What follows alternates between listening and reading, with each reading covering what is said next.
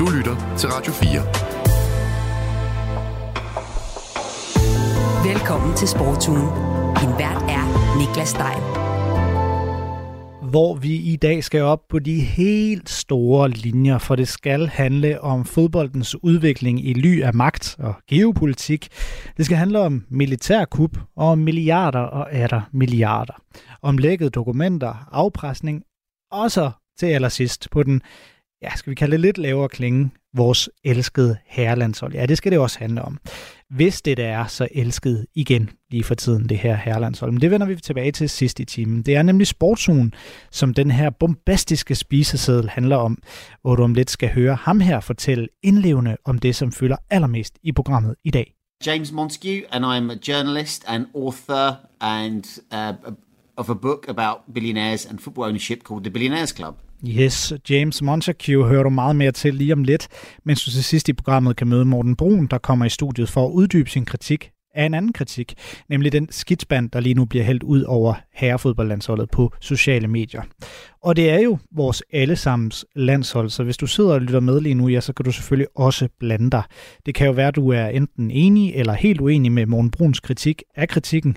Det kan være, at du synes, at landsholdet spiller godt eller dårligt, eller måske bare har en holdning til landsholdets kommunikation, der jo også altid er et varmt emne. Hvis du lytter med live, så kan du skrive en sms ind til 1424, så lover jeg at tage dem med til Morten Brun senere i programmet. Velkommen altså til Sportsugen på Radio 4. Jeg er din vært. Jeg hedder Niklas Stein, og lad os så komme i gang med programmet. Radio 4. Ikke så forudsigeligt. I den her måned, der vendte Thailands tidligere premierminister Thaksin Shinawatra tilbage til landet efter 15 år i eksil og fik sin 8 år lange fængselsdom reduceret til blot et enkelt år.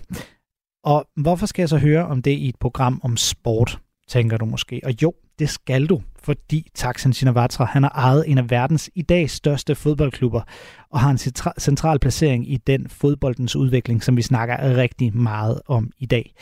Var det ikke for Sinavatras køb af Manchester City helt tilbage i 2007, så havde Abu Dhabi, Abu Dhabi formentlig ikke købt klubben af ham blot et år senere. Og hvem ved, om vi så havde set den enorme indflydelse, som rige lande i Mellemøsten, Mellemøsten og golfen i dag har på fodbolden. Og hvem ved, om Manchester City så endelig havde vundet Champions League, som de jo gjorde tidligere i år. Det hele det startede med det, som jeg vil kalde Manchester Citys glemte ejerskab af den kuppede premierminister i 2007 og i 2008. Den historie, den er vigtig, og den skal vi have fortalt nu, så du, skal, øh, du kan roligt læne dig tilbage, for lige om lidt, der fortæller jeg den sammen med en af dem, der rent faktisk har mødt Taksin Shinawatra. Det er altså James Montague, som øh, du kort hørte fra her i indledningen. Allerførst, så skal vi lige have fortællingen om fodboldklubben Manchester City fra dengang og nu, og i den anledning, der har jeg klippet det her sammen til dig.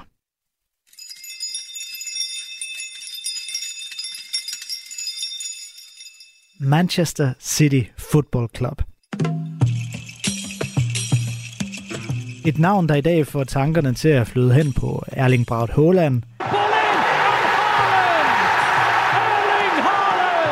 Pep Guardiola, Pep Guardiola won 14 out of a possible 19 trophies at Barcelona. He won 7 trophies in 3 years at Bayern Munich. Velpoleret fodbold, masser af millioner, trofæer og selvfølgelig Champions League fodbold. Men engang var det en fodboldklub som så mange andre.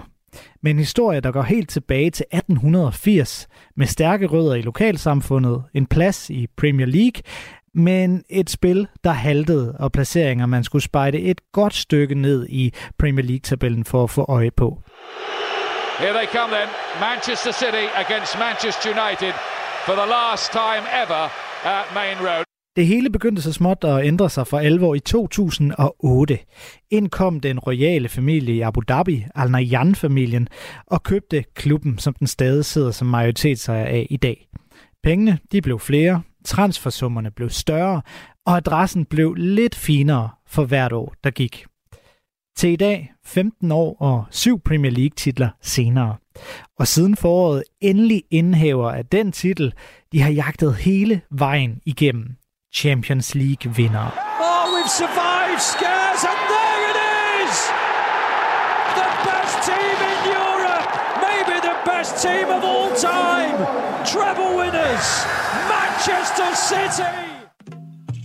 Indtil 2007, der var Manchester City ejet af primært en række lokale aktionærer, og mange tænker nok, at overgangen fra det gamle til det nye Manchester City, fra den ondselige Manchester-klub til Abu Dhabis juvel, ja, det skete fra den ene dag til den anden. Men så har man overset Manchester Citys glemte ejerskab.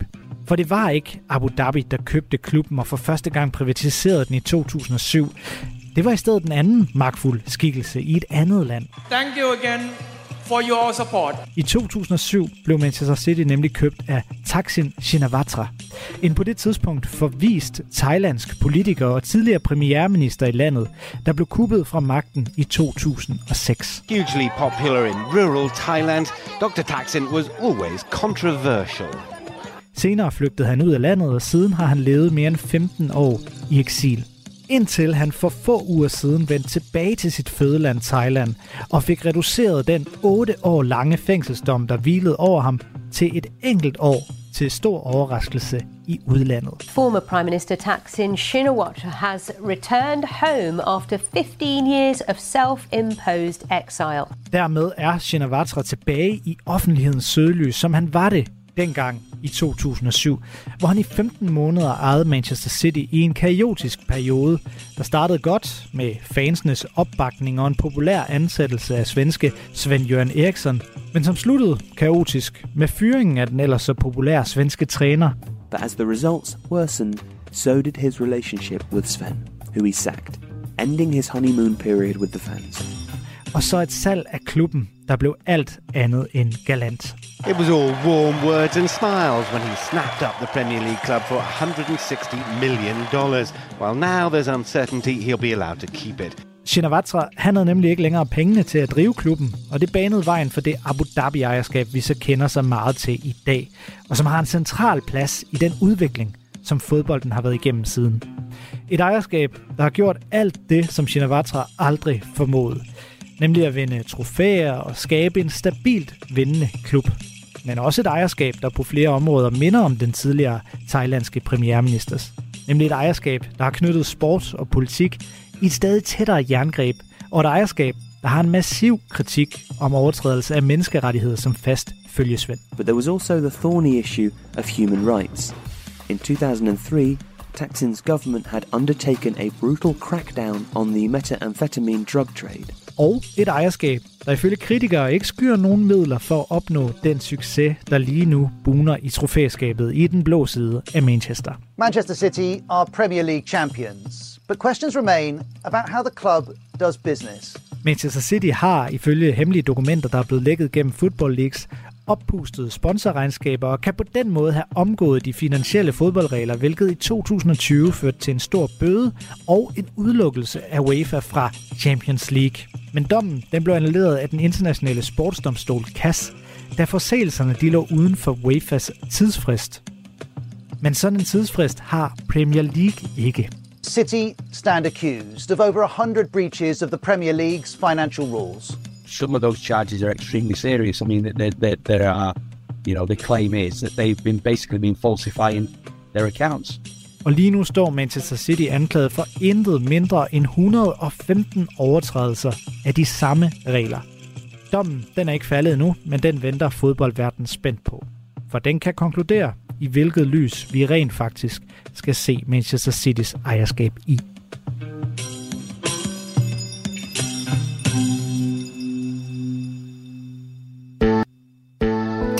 til Sportsugen på Radio 4. Ja, der var det her indslag brugt øh, lydklip fra Manchester City's YouTube-kanal fra Tifo Football, BBC og fra Al Jazeera.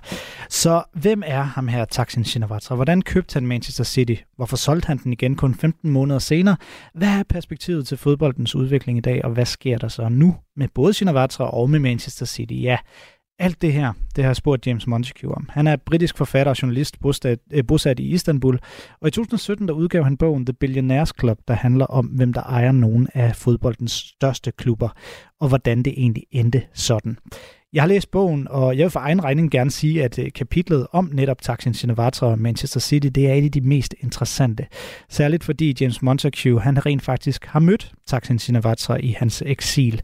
Mere om det senere. Her der skal vi først høre James Montague forklare, hvem Taksin Shinawatra egentlig er.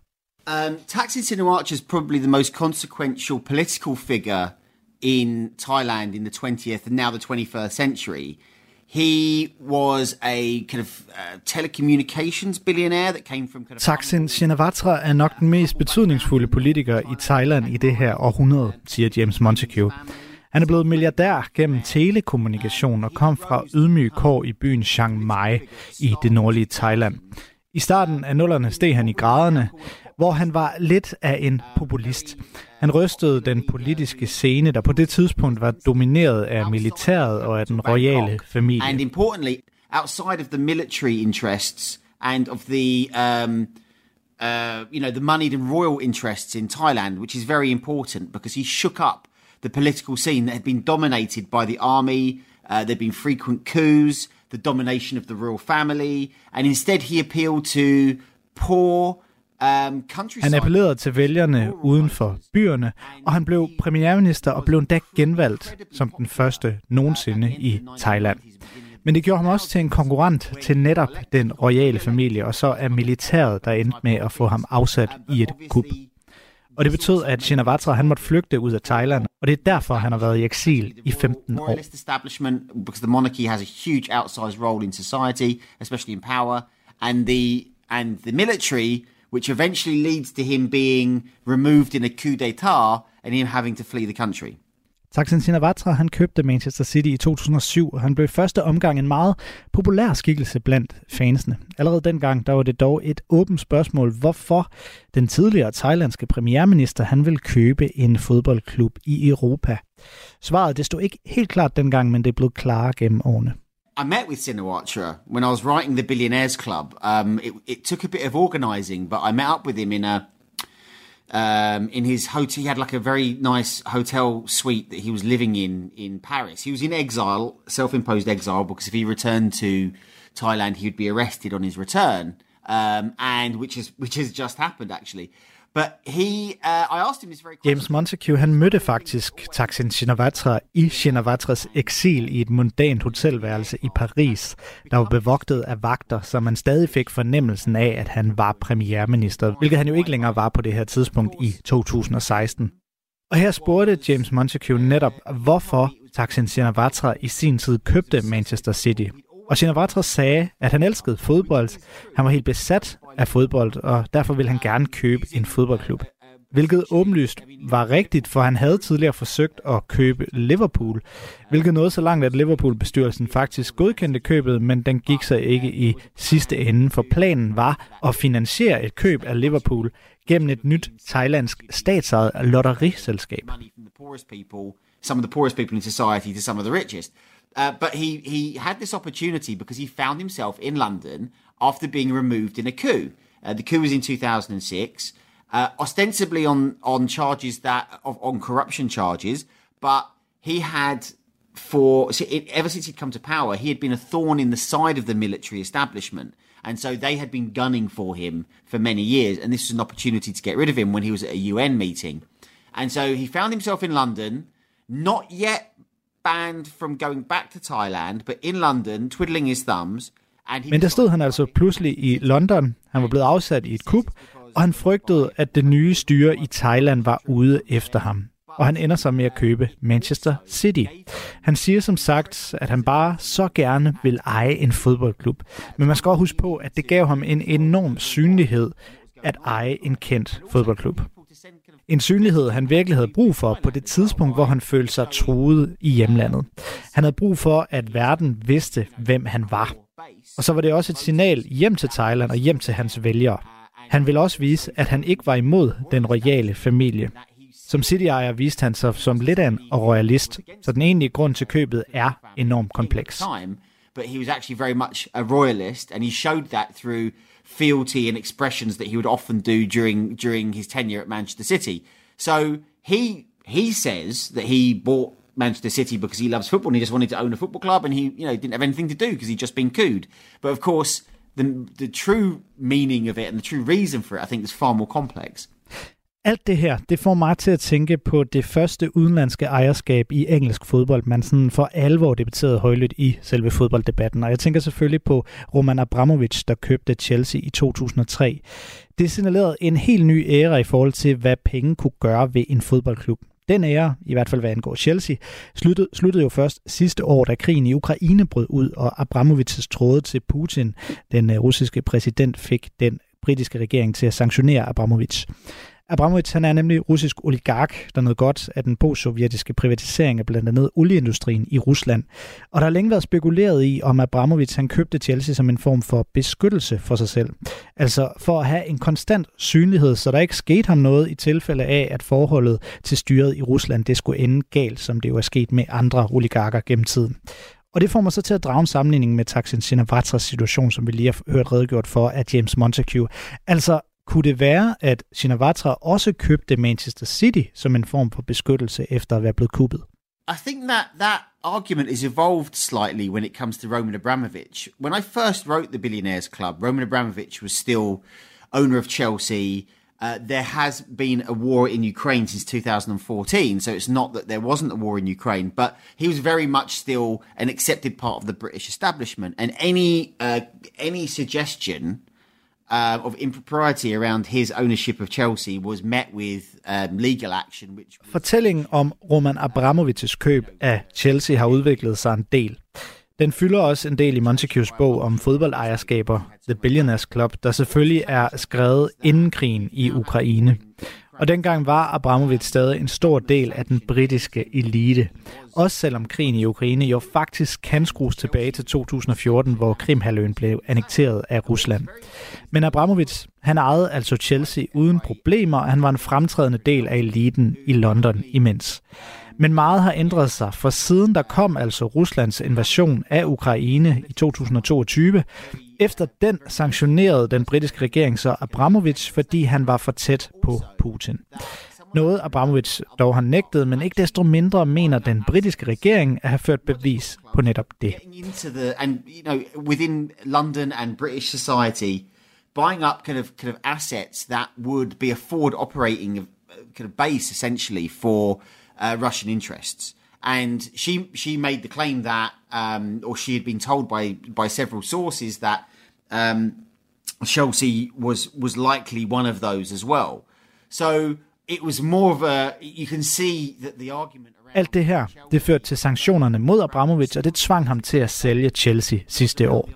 Faktisk blev der allerede i 2020 udgivet en bog, der hedder Putins Folk, der mente at dokumentere blandt andre Abramovits' tråde til Putin.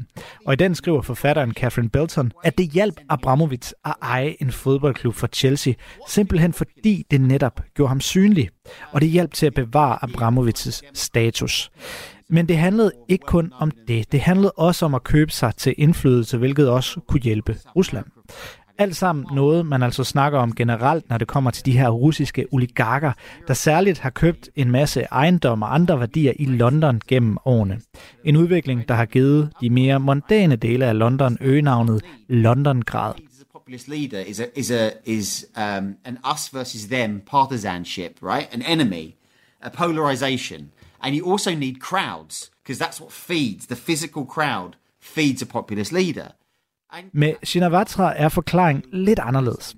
Jo, det handlede også om synlighed og indflydelse, fortæller James Montague, men, siger han, hvad har populister til fælles? Hvad har folk som Donald Trump brug for? Jo, de har brug for polarisering. De har brug for en os mod dem mentalitet, som et stort publikum kan bygges på. Shinawatra var som sagt også populist. Han forstod, at fodbold havde en enorm kraft, og at det kunne mobilisere. attracted to football club ownership for the same reason attracted to football, and it, it excite. I think it, affected the same part of uh, uh, you know populists. That's why they're they're drawn to football. That's why they're attracted to football. They understand its power, and they understand that it it, it ticks many of the same boxes and excites many of the same parts of the brains than uh, than than populist politics does. Det lykkedes jo som sagt rent faktisk James Montague at møde Taksin Shinawatra. Det gjorde han i forbindelse med bogen The Billionaires Club i 2016, hvor han satte Shinawatra stævne til et interview, der tog rigtig lang tid om at lande. It was. It, it took a while. Um, because I knew when I started writing the Billionaires Club that I I wasn't be- I wasn't going to be able to speak to many billionaires because uh, it's not in their interest, and clearly it was going to be quite critical. Um, so, and I didn't want it to be a kind of bootlicker's history of billionaire, of like rich people coming in and owning football. And to get access to those kind of people, you usually have to write a book. Det tog noget tid at få i stand, siger Montague og griner lidt. Han vidste, at da han skrev sin bog, der ville det ikke blive nemt at få mange af de her milliardærer i tale, for det ville blive kritisk undervejs, og Montague ville ikke have, at der skulle gå røvslækkeri i den. Men Taksin Shinawatra, han var i en situation i sin eksil, som han selvfølgelig ikke var glad for, så måske vil han sige noget. Montague han fik kontakt gennem sit netværk, og Shinawatra gik med til at mødes i hotelsuiten i Paris. Montague fik lige knap en time med Shinawatra, og det første, han bemærkede, det var, at Shinawatra på det tidspunkt i sin start 60'er ikke så ud til at være ældet så meget som en enkelt dag, siden kuppet, der foregik i midt-nullerne, det vil sige 10 år tidligere. Han havde en hvid skjorte på, der ikke krøllede så meget som en millimeter, selv når Shinawatra han bevægede sig. Altså sådan noget, som kun milliardærer synes at have, bemærker Montague. half hour, 45 minutes. He had a kind of, he looked, he looked like he hadn't aged a day since, you know, 2001. And he had like a, I don't know how he did it, but he had a white shirt on that seemed to be completely creaseless, even though he moved around a lot. So I don't know if that's something only billionaires have, because every white shirt I have is ruined within about 30 seconds. But he was, um, we sat down and we talked, and he, there was no questions off limits. And he talked about his time at Manchester City. He talked about Montague han kunne spørge om lige, hvad han ville. Shinawatra han snakkede om tiden i Manchester City med stor passion. Han var dengang en hands-on ejer, som man siger. Han ansatte og fyrede Sven Jørgen Eriksson. Han var inde over transfers. Han havde tilgangen, at det var ham, der lagde pengene. Så måtte han også bestemme, hvad der skete. Hvorfor give ansvaret til en manager? Han snakkede med en form for uskyldighed og ærkærhed, bemærkede Montague, og beretter om historie, som Shinawatra fortalte, om en gang, hvor han stod på Manchester City stadion, kiggede ned på banen, hvor han så nogle folk drysse et eller andet på græsset ned på banen. Så Shinawatra han gik ned på banen, spurgte, hvad de lavede, og det viste sig at være en onkel i en familie, der lige var død. Onklen han var Manchester City-fan, og hans sidste ønske var at få sin aske drysset på banen. Shinawatra han virkede helt blæst bagover den oplevelse. he went to um, he once visited he was at the stadium looking around and he saw some people on the pitch kind of sprinkling something on the on the grass and he went over and said what are you doing and the the the, the family told them that that um, their uncle or you know um, that a man had a Manchester City fan had died and his last wish was to have his ashes sprinkled on the pitch and he was he he seemed as blown away by that today as he would have been, you know, 10, 15 years ago. And when it came to, you know, very open about it. You know, there were many people who were unhappy about him taking over at Manchester City, not least human rights organizations and activists, because there were a lot of human rights issues around Thailand at the time, especially extra uh, extrajudicial um, executions around um, a drug war which was taking place across. Desuden var han meget åben om, at der også var mange dengang, der var imod, at han skulle overtage Manchester City. Særligt menneskerettighedsaktivister, fordi Shinawatra i sin tid som premierminister mødte kritik for at overtræde menneskerettigheder i jagten på narkokriminelle og om undertrykkelse af religiøse minoriteter. Han svarede på kritikken, han afviste, at han var korrupt, og så sagde han, at det var militæret, der forsøgte at tilsmusse hans navn. Hvis man ser på, hvad der er sket siden, så er alle demokratiske valg blevet vundet af en kandidat fra Thaksin Shinawatras parti i Thailand, eller en med forbindelse til Shinawatra. Han følte, at han var blevet uretfærdigt behandlet, og det var tydeligt, at han gerne ville vende hjem på et tidspunkt.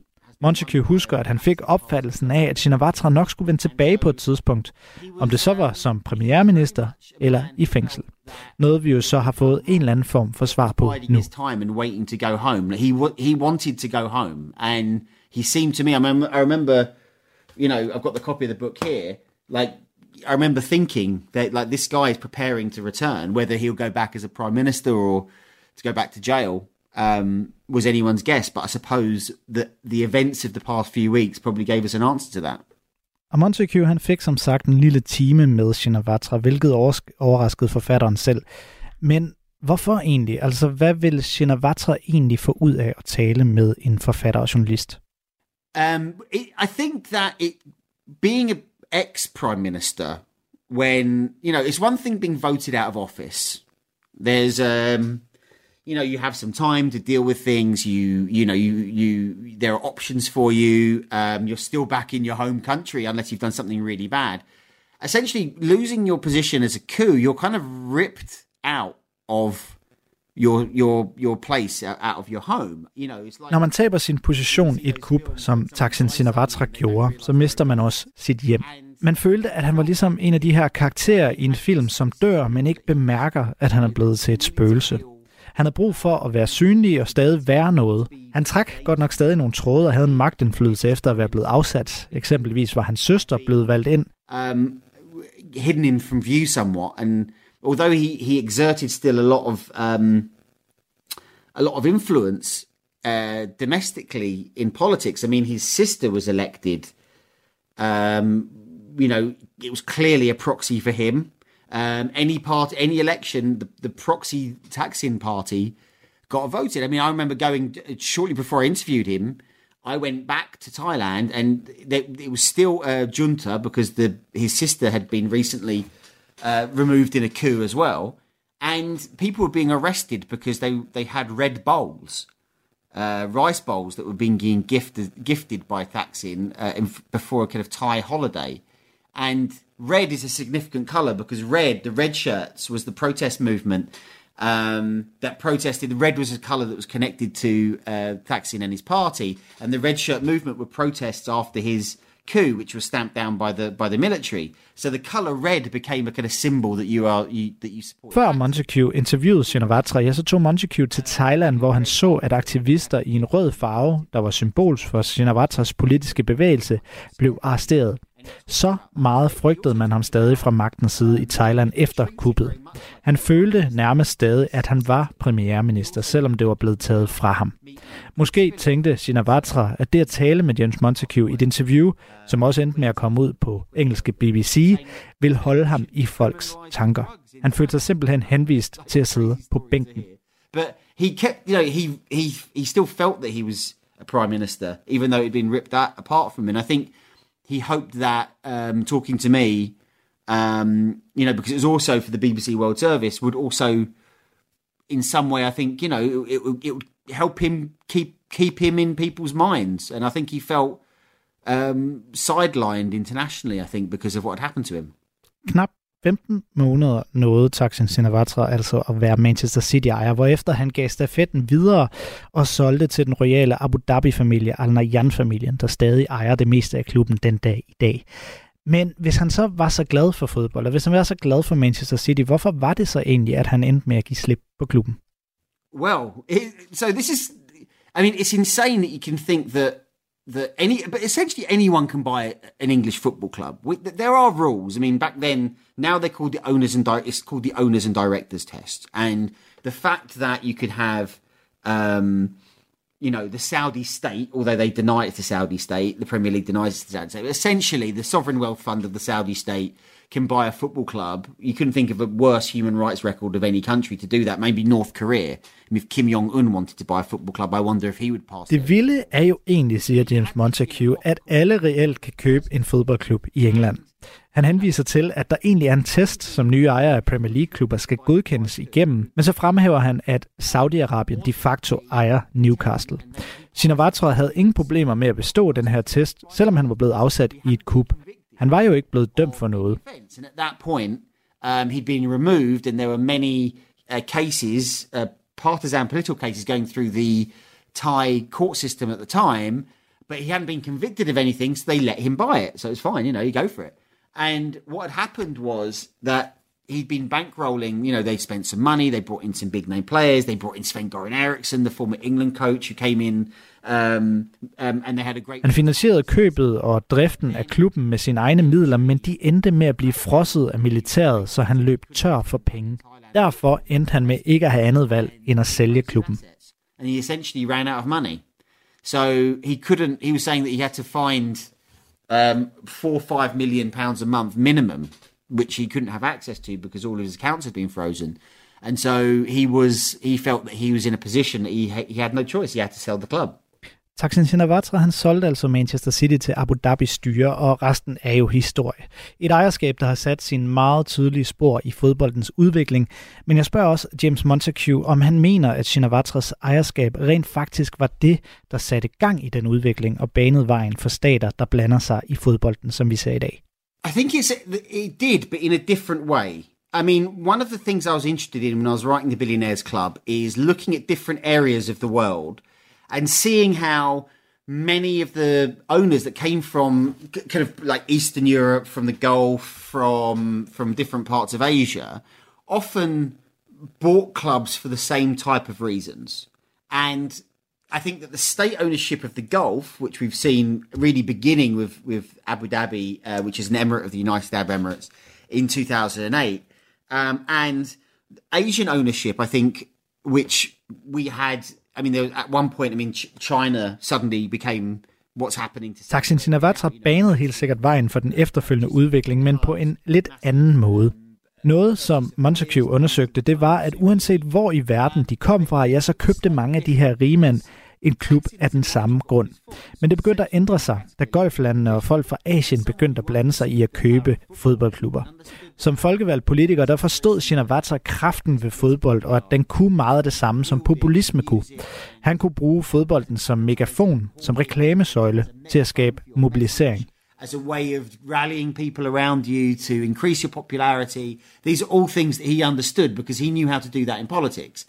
The, what what it is is his freezing of his accounts was the opportunity for the royal family of Abu Dhabi, uh, the Al Nayan's, to buy a football club because they were looking. It wasn't just Manchester City; they were looking for all sorts. They were looking whatever was available. Uh, I mean, Thaxton himself told me that they were on the verge of buying Liverpool, but um, he dissuaded them by saying, "Look, you can have Manchester City, and it's a fraction of the cost." And I think his role, I think, is by um, selling the club. I mean, he was desperate to sell, but to sell the club... Men da hans midler så blev indefrosset i Thailand, så opstod muligheden for, at den royale familie i Abu Dhabi kunne købe en fodboldklub. At de kunne købe Manchester City. De havde kigget på flere fodboldklubber, for Sinavatra fortalte faktisk til James Montague, at Abu Dhabi havde forsøgt at købe Liverpool. Men Sinavatra overtalte dem i stedet til at købe Manchester City af ham. Han var desperat efter at sælge, men via det salg åbnede han døren for en ny generation af ejerskaber, som vi nu ser på tværs af verden. Der er sket mange udviklinger fra Premier League, der begyndte at trække alle de største stjerner til ligaen, over Abramovics ejerskaber, der gjorde, at nu kunne man ikke længere blot være millionær for at konkurrere blandt de største klubber. Nej, nu skulle du have en milliardær som ejer. Men med salget af Manchester City i 2008, der åbnede Shinawatra døren for den næste etage. The Trillionaires, altså staterne, der ikke rigtig kan leve tør for penge eller for magt. Who, um, you know, can never re- never run out of money, can never be challenged, and also have political power. And it's this era that we're living in at the moment in football.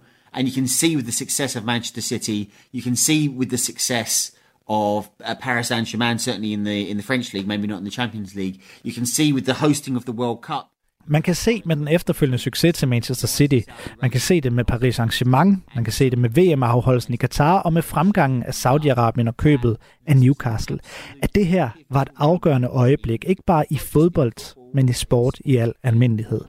I og for sig, også i politik, hvis man ser på vestens svækkede indflydelse og golfens fremgang på det område. The West and a declining West and you know, you know the the the, the rise of the, I mean I am not sure if you'd call the Gulf the global south, but like the rise of of the Gulf as a political and financial entity that can challenge and can challenge power even at the very highest levels. Nu er Thaksin Shinawatra så tilbage i Thailand 15 år efter, at han forlod landet som kuppet premierminister. I sidste uge der vendte han tilbage til sit hjemland, hvor der hvilede en 8 år lang fængselsdom over ham. Men højst overraskende så blev den reduceret til et enkelt år, da Sinawatra han satte fod på Thailands grund. At han endelig vendte tilbage, det kom ikke bag på James Montague. I wasn't surprised in the slightest. Um, I mean, there is I mean, of course, the the fear of arrest is something that would would make you, you know, keep you away from a lot of places. But you know, being exiled from your homeland is a very difficult thing. And even speaking... James Montague, han var slet ikke overrasket over at høre, at Shinawatra han vendte tilbage til Thailand.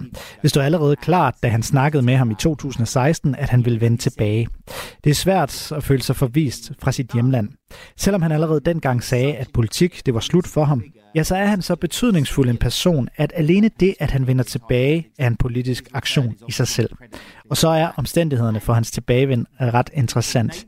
Det kommer nemlig kort efter et valg, der for første gang ikke endte med en sejr til en af Shinawatras allierede. Alligevel vurderer Montague, at Shinawatra er lykkedes med at forhandle sig fra den oprindelige 8-årige fængselsdom til nu et enkelt år. Han er nu på et hospital, hvor han formentlig aldrig ser en fængselscelle. essentially a deal where his political party are now in power, even though not winning the election. They're now they now have the prime minister, and he there's clearly a deal being done where his eight-year prison sentence has been reduced to one. Montague han tror, at Shinawatra er ude på gaderne i Thailand igen snart, og så regner Montague med at se en masse støtte og kærlighed kastet Shinawatras vej fra det thailandske folk. Ifølge Montague, så er Shinawatra stadig en af de mest populære figurer i Thailand, endda mere populær end den nye konge. Montague han tror ikke, det her er slutningen på Shinawatra. Snarere skal et nyt kapitel først til at begynde. I would say, the most popular figure, even more so than the new king, a relatively new king who is actually quite unpopular. Um, he, he's by far the most popular figure left in, in, in, in Thailand, and I think we'll we'll see. I don't think this is the end of Thaksin Shinawatra. I think the new chapter is about to begin. Og så rester, øh, resterer der efterhånden kun et stort spørgsmål, tænker jeg i hvert fald. Shinawatra han er i dag 74 år gammel. Han er tilbage i Thailand, hvor dommen over ham er meget mildere end forventet. Vi ved, at han efter eget udsagn elsker fodbold, så vender han mund tilbage til fodbolden. I don't. Well, I mean, who knows? I, I was. I thought you were going to say politics then, and I was going to say, well, look at the U.S. I mean, you know, genitocracy. You've basically got eighty-year-olds fighting over the U.S. presidency. So he's actually quite a young man compared to that. You know, he's got six, seven years on them. So um, I imagine that he part part of any deal that he gets Montague, han troede, jeg skulle til at spørge ham, om Shinawatra vil vende tilbage til politik. Jamen, så bare kig mod USA og hvor gamle de er derovre. Men må ikke der i den her aftale, Shinawatra har lavet om at få sin fængselsdom reduceret, ikke er et forbud mod at stille op til et politisk embede igen. Dog kan han stadig trække i nogle tråde. Men Montague, han visker om ikke være overrasket, hvis Shinawatra involverer sig i fodbold igen. Efter kuppet, der mistede Shinawatra en milliard dollar fra sin formue. Da han investerede i fodbold, der var han en af de rigeste ejere i Premier League.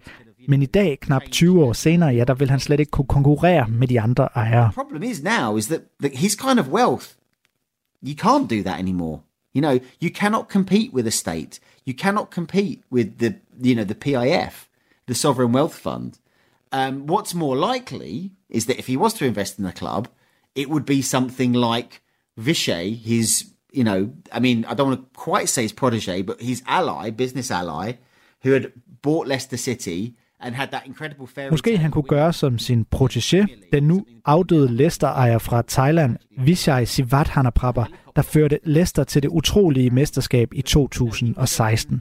Godt nok har Thaksin Shinawatra ikke den slags penge, som de rigeste ejere har, men måske han kan finde et slagtilbud, for han kender sig net, når han ser det, afslutter James Montague. Can maintain a kind of peace outside of politics um, amongst all the competing factions. So, yes, I, I can see him returning to football because he loves it. Does he have the money to? Probably not. But that doesn't mean that he can't pick up a bargain because he knows he knows one when he sees it. Og det var altså den britiske forfatter og journalist James Montague, der har skrevet bogen The Billionaires Club, der fortalte det her. Og med det parkerer vi historien om Thaksin Shinawatra, men vi bliver faktisk lidt ved Manchester City. Du lytter til Sportsugen på Radio 4. For var det ikke for en portugisisk fodboldhacker, så var Manchester City måske slet ikke blevet efterforsket for regelbrud, og vi vil ikke vide, hvordan store dele af den lyssky del af fodboldverdenen egentlig opererer. Portugiseren Rui Pinto han stod B Football Leagues, hvor han lækkede millioner af kontrakter og hemmelige papirer fra fodboldklubber og organisationer. Siden afslørede han sig selv og blev anholdt, og nu har han så fået sin dom. Dommen den faldt i den her uge, og den giver Rui Pinto fire års betinget fængsel i Portugal for at have skaffet sig ulovlig adgang til de her dokumenter og for at have afpresset agentbyrået Døjen Sports efter at have hacket sig vej til deres dokumenter. Rui Pinto han stod anklaget for 90 lovovertrædelser, men han blev dømt for 9 i en sag, der oprindeligt skulle være faldet dom i for nogle måneder siden, men den blev så udskudt i sidste øjeblik. Nu kan jeg så sige velkommen til en af dem, der har fingrene nede i de her Football dokumenter, for Danske Politikken er nemlig en del af det kooperativ, der fik adgang til dokumenterne. Og der sidder du, Jeppe Larsen, Brock, øh, Jeppe Larsen Brok, undskyld, velkommen til programmet. Tak skal du have. Fire års betinget fængsel for Rui Pinto, altså, og han skal øh, som, som sådan umiddelbart ikke ind og ruske trammer. Lige allerførst, er du overrasket over dommen?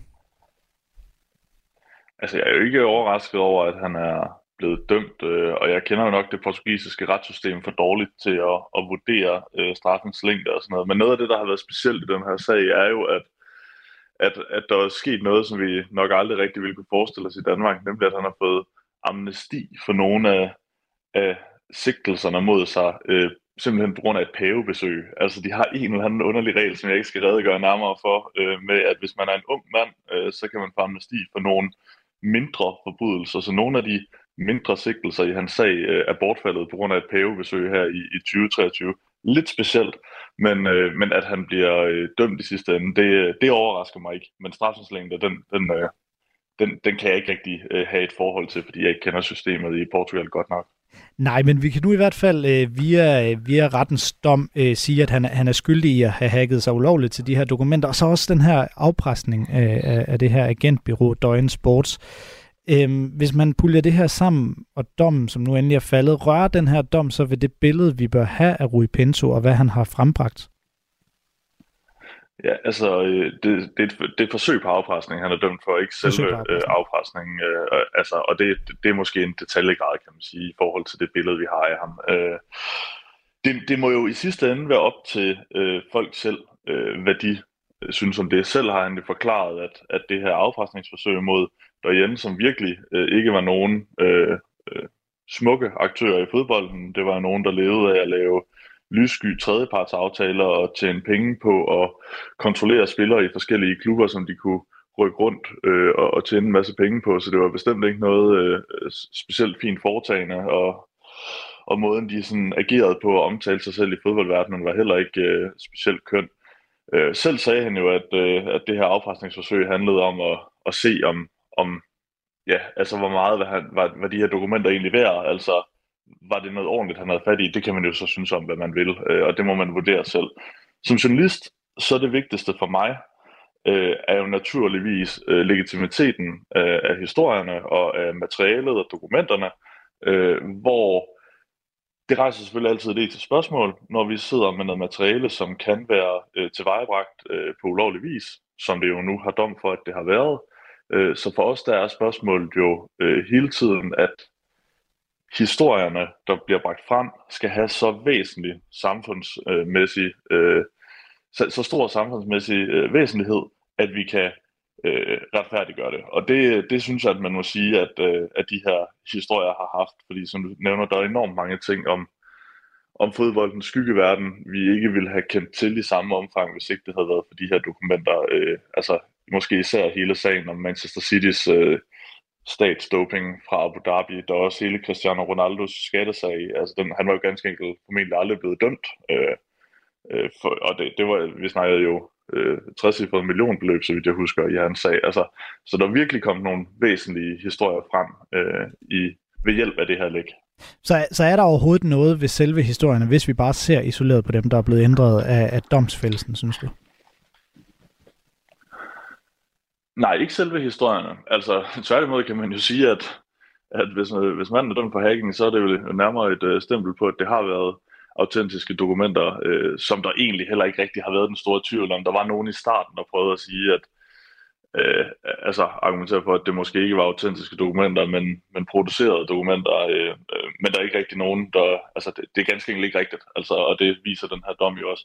Så tværtimod kan man vel sige, at øh, at, at selve de historier om fodboldens skyggesider på en eller anden måde har fået et, et, et underligt, det anerkender jeg, men et stempel af, af autenticitet øh, via en sag øh, som det her. Og jeg synes virkelig, at der er kommet nogle meget, meget væsentlige historier frem. Det vil selvfølgelig være mærkeligt, hvis jeg sagde andet, når jeg selv har været en del af, af projektet, men, men jeg synes virkelig, øh, at det er... Øh, jeg, jeg synes, at det er jo altid en, en interessant debat Altså, hvor langt må man gå for at få øh, kriminalitet og lyssky ting frem i, i offentligheden? Må man selv begå kriminalitet for det? Øh, retten har selvfølgelig, øh, altså de skal selvfølgelig holde sig til loven, og han får i øvrigt heller ikke strafrabat for at have været whistleblower, øh, som hans advokat ellers prøvede at slå på. Øh, det, det fik han ikke øh, i retten, men dommeren kommer faktisk, da hun afsiger dommen, med en eller anden form for anerkendelse af, at, at der egentlig kan have været et, øh, hun brugte ikke ordet nobelt, men, men det tolker, altså, kan man lidt tolke ind i det, at der lå et, et formål i det. Og man skal også huske, at Rui Pinto har faktisk også hjulpet myndighederne i Portugal med at, øh, med at, at afsløre kriminalitet på baggrund i hans øh, datasæt. Så han har med, hvad det, samarbejdet med myndighederne og fungeret som beskyttet vidne frem til, til domsfældelsen. Øhm, ja, altså jeg, jeg anerkender, at det er en svær sag, men, men jeg synes at virkelig, at det er væsentligt øh, hvad hedder det, historie, der er kommet frem via Football Leagues. Tusind tak, fordi du havde tid til at øh, være med på den her sag, Jeppe Lausen Brock. Det var så lidt som altså er sportsjournalist på øh, politikken, og spørgsmålet er jo så, om vi får mere til Rui Pinto at se nu, for nu kender ham, øh, nu kalder alle ham jo efter den her dom og så videre. Hans ansigt er ude, hans navn er ude og så videre. Han får altså fire års øh, betinget fængselsdom. Og hvis man vil høre mere om de her øh, læk og dokumenter, de historier, der kommer ud efterfølgende, jamen så, og man i øvrigt vil høre videre øh, om øh, Jeppe, eller fra Jeppe Lausen Brock, jamen så kan man finde sportsugen fra den 11. maj, hvor vi lavede en specialudsendelse netop om Football Leagues. Lytter til Sportsugen på Radio 4. Vreden på X over landsholdets to seneste sejre, det nærmer sig snart det komiske, og det var lige et citat, så citat slut. Sådan her skrev fodboldkommentator på TV2, Morten Brun, kortfattet på selv samme sociale medie X, der jo tidligere hed Twitter. Det gjorde en kort efter landsholdets 1-0 sejr over Finland, Finland i EM-kvalifikationen tidligere på ugen. Det vagte debat, eller også faldt det bare direkte ned i en debat, der i forvejen fandt sted på det sociale medie om herrelandsholdets formåen og fremtoning lige for tiden. Nu står du her, Morten Brun. Velkommen til. Tak skal du have. I en øh, efterfølgende klumme, der skriver du også, og jeg citerer igen, at hold nu kælderskagt for en skidspand. En, øh, en fin vending i øvrigt. Hvad fik dig til at skrive det? Jamen det gjorde jo, øh, det gjorde jo den her enorme forskel, jeg oplevede lige efter kampen oppe på det olympiske stadion i Finland, hvor jeg kunne kigge ned til højre for mig, hvor der var de her 1600 tilrejsende danske fans, der gik øh, fuldstændig banjo af glæde over den sejr, som de fejrede med landsholdsspillerne, som stod lige nedenfor øh, i, samlet, i samlet trop. Og så øh, plejer jeg altid lige sådan at gå, jeg er ikke på Twitter, når jeg, når jeg kommenterer, men lige efter, så vil jeg gerne sådan lige se, hvad, hvad der foregår. Og så åbnede jeg så Twitter, og, og oplevede virkelig det, som jeg opfat, som, som jeg har beskrevet som, som en skidspand, hvor, hvor jeg, hvor jeg sådan havde den her opfattelse af, at folk øh, de brokkede sig i uendelige stridestrømme over, over landsholdets øh, dårlige spil, deres manglende evne til at skabe chancer, der, deres fremtoning, deres attitude, sådan kort sagt alt.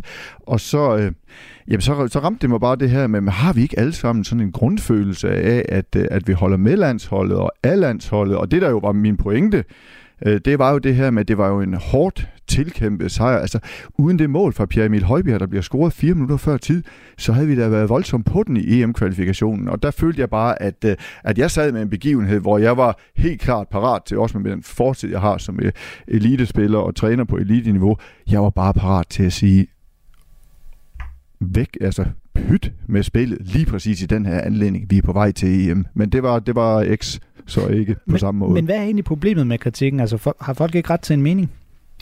Jo, jo, det har de jo altid, men jeg har jo også ret til at gå, gå imod den. Altså, det undrer mig bare, at, øh, og det, det irriterede mig da også, altså, det, det var da også det ment som en form for provokation, mit tweet, selvfølgelig var det det, at det, det ved du hvad, det er sgu så nemt bare at sidde der med sin korslagte arm op på, op på et eller andet øh, loftsværelse, og så og så brokke sig over, at det landshold ikke spiller ligesom Argentina og Brasilien. Og jeg synes jo, det var, jeg synes jo, det var en meget stor del af kritikken er forfejlet derhen, at, at, at jeg mener lige i øjeblikket, at, at mange stiller nogle forventninger til, til landsholdet, så, som er fuldkommen urimelige. Og så tror jeg aldrig nogensinde, de bliver lykkelige, og det vil jeg ærge mig på deres vegne.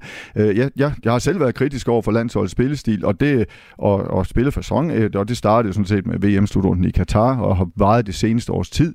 Min pointe var bare det her med, at der var bare et øjeblik, der, hvor, hvor, hvor jeg altså hvor jeg blev så inderligt glad på landsholdet, så på Danmarks vegne, over at øh, det der mål bliver scoret til sidst, og så undrer det mig bare, at, at folk ikke kan deltage i den der øh, glæde, den der grundfølelse, som jeg jo stadigvæk tror på øh, bor i os alle sammen, at vi faktisk holder med Danmark. Men hvis, hvis vi skal prøve at gribe om en eller anden form for substans af den her kritik, spiller det danske herrefodboldlandshold godt lige nu, synes du? Altså jeg synes, at, øh, at øh, udkampen mod Finland var ganske udmærket afviklet. Altså mange øh, ønsker sig jo tilbage til EM-slutrunden 2021 og det efterfølgende efterår, hvor vi vinder de her fantastisk flotte sejre på øh, 5-0 over Israel og 2-0 over Skotland, og vi brænder parken, eller landsholdet brænder parken af ved, ved, ved, hver eneste gang, de spiller. Men jeg må bare sige, at øh, jeg har fulgt landsholdet siden midten af 70'erne, at det fungerer ikke sådan med et landshold fra et, en så lille fodboldnation som, som vores, at vi konstant kan befinde os deroppe. Så jeg vælger at sige, okay, jeg glæder mig ekstremt meget over, når vi får de der bølgetoppe. Øh, og, og jeg vil også have lov til at sige med, med vores historik, altså med 86 og 92 og hvad der ellers har været, så må vi godt stille større krav, end man eksempelvis gør i Finland, Norge og, og Sverige, fordi vi er sådan det, vi kalder Nordens brasilianere. Man skal bare stadigvæk have sådan et realistisk billede af, hvad fodbold er for en størrelse. Og kigger man så rundt i det europæiske landskab i de netop afviklede øh, kvalifikationsrunder, så vil man også se rigtig mange store fodboldnationer have det svært i disse her øh, udekampe mod det, vi kan kalde ubekvemme nationer. Så jeg hørte dig sige, at det er jo vigtigt, om Danmarks fodboldlandshold spiller godt, men, men handler det her så overhovedet om spillet? Er det det, det handler om?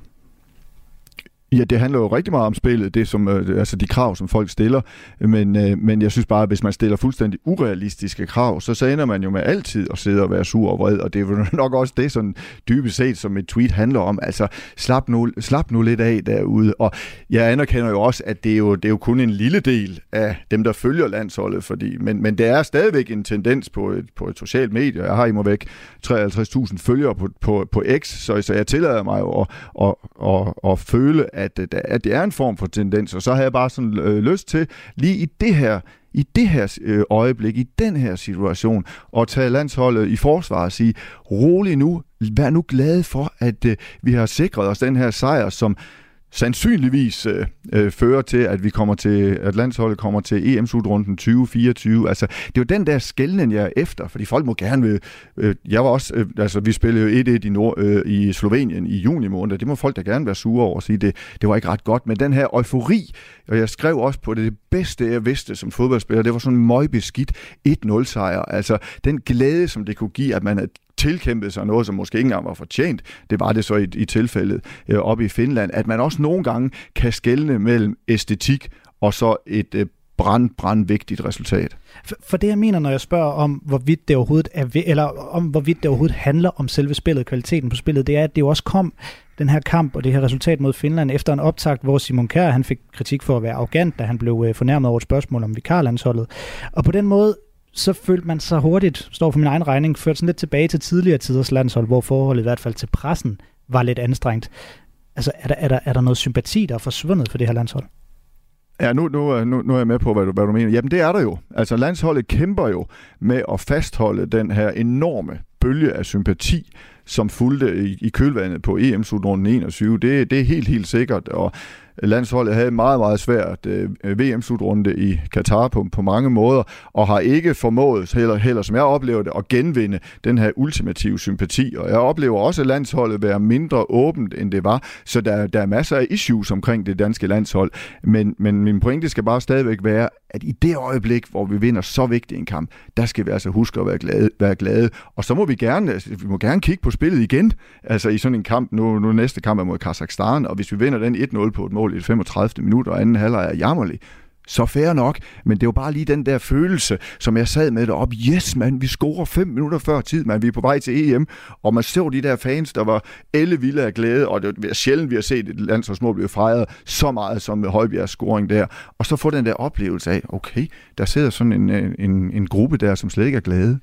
Så nu spurgte jeg lige før, eller vi var inde på, om, om spillet er vigtigt, om, om pointen er vigtigt. Pointen er vigtigt, kan vi sige, men om spillet var vigtigt. Øhm, er det her så vigtigt? Sympatien, kommunikationen, alt det her udenom, er det vigtigt? Ja, det er super, super vigtigt. Altså helt sikkert, fordi det er jo det her med, at landsholdet, som DBU selv siger, skal være en del af noget større. Det, det er super vigtigt, og, og der synes jeg, at også landsholdet står med en opgave i øjeblikket at forsøge at genvinde den her sympati, som man tabte så meget af øh, i forbindelse med VM-slutrunden i, i Katar, for vi ønsker også vel alle sammen et landshold som det, der var i, i det meste af 2021. Det gør jeg da også med fedt spil og spillere, som var, var elskelige og gode resultater. Altså, hvad kan, hvad kan du forlange mere? Men det er bare ikke, det er bare ikke noget, der sådan, der, der sådan bare ved. Det er min erfaring gennem 40 år med landsholdet. Tusind tak, Morten Brun, fordi du kom ind i studiet og uddybet din, øh, din kritik af kritikken, hvis vi kan kalde det det. Det var så lidt. Sagde Morten Brun, som altså er øh, ekspert og øh, kommentator på TV2. Radio 4. Ikke så forudsigeligt. Og det var så også alt for Sportsugen i denne uge. Vi kom altid vidt omkring. Det handlede om Manchester City's glemte ejerskab, om fodboldhackeren Rui Pinto, og her til sidst, som sagt, kritikken af kritikken af herrelandsholdet i fodbold. Husk, du altid kan skrive til mig på nick, radio 4dk hvis du har noget feedback. Det var alt for Sportsugen. Om lidt er der only. Du har lyttet til en podcast fra Radio 4. Find flere episoder i vores app, eller der, hvor du lytter til podcast. Radio 4 ikke så forudsigeligt.